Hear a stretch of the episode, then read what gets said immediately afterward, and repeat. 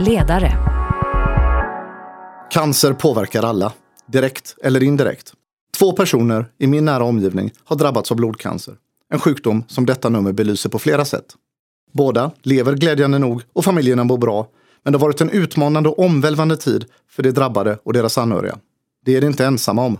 Ungefär 4 750 personer drabbas årligen av blodcancer i Sverige. Prognosen är relativt god och i dagsläget lever drygt 50 procent av patienterna efter fem år. Nu ser vi att än fler läkemedel utvecklas och parallellt fungerar vården allt bättre i form av tidig diagnostik och ett bättre omhändertagande. Flera utmaningar kvarstår dock. Hur ska patienter med kronisk cancer omhändertas? Hur säkrar vi att ny teknologi når ut till patienterna? Vilka förändringar av vårdens organisation behöver göras? Bästa lyssnare!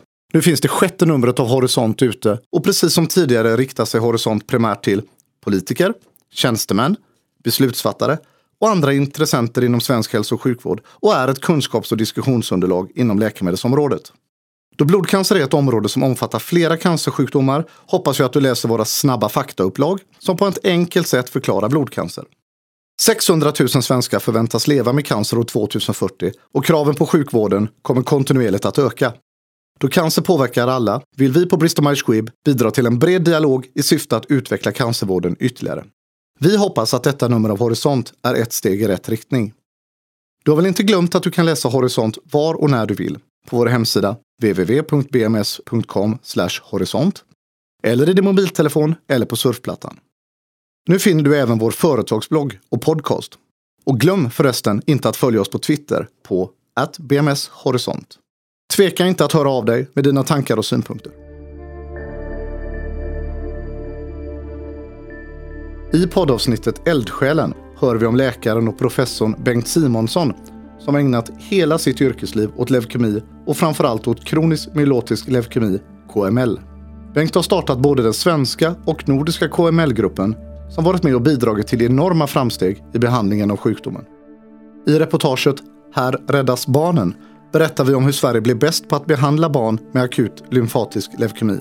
Marie Frost, forskare och överläkare vid barnavdelningen för blod och tumörsjukdomar på Akademiska barnsjukhuset i Uppsala, förklarar hur utvecklingen inom barnleukemi har sett ut och hur det kan komma sig att 85-90 procent av de barn som drabbas i Sverige idag överlever. Nadja Kassadej är en av Sveriges främsta mångkampare med flera SM-guld på meritlistan. 2013 var det meningen att hon skulle tåga in på OS-arenan iklädd landslagsdräkter. Samma år drabbades hon av lymfom. I poddavsnittet Patienten hör vi henne berätta om hur hon tog sig igenom sjukdomen och vägen tillbaka till friidrotten. Här hör vi även om Per Brugge som drabbades av KML och påbörjade behandling men som sen blev den första patienten i Europa att fasa ut sin medicin inom ramen för en klinisk studie. I vårt andra reportage berättar vi om sjuksköterskan Brita Eriksson och chefsjuksköterskan Marie Wikström som varje dag packar bilen med all utrustning som behövs för att kunna vårda stamcellstransplanterade patienter i hemmet. Som första sjukhus i världen har Karolinska Universitetssjukhuset gjort det möjligt för patienter att vårdas i sina egna hem och resultaten är slående.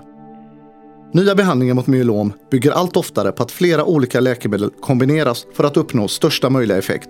Samtidigt finns det i Sverige gränser för hur mycket ett läkemedel får kosta. I poddavsnittet Vårt landsting hör du Nils Wilking, docent vid Karolinska institutet och strategisk rådgivare till Region Skåne, diskuterar varför det ännu inte finns någon finansieringslösning på plats.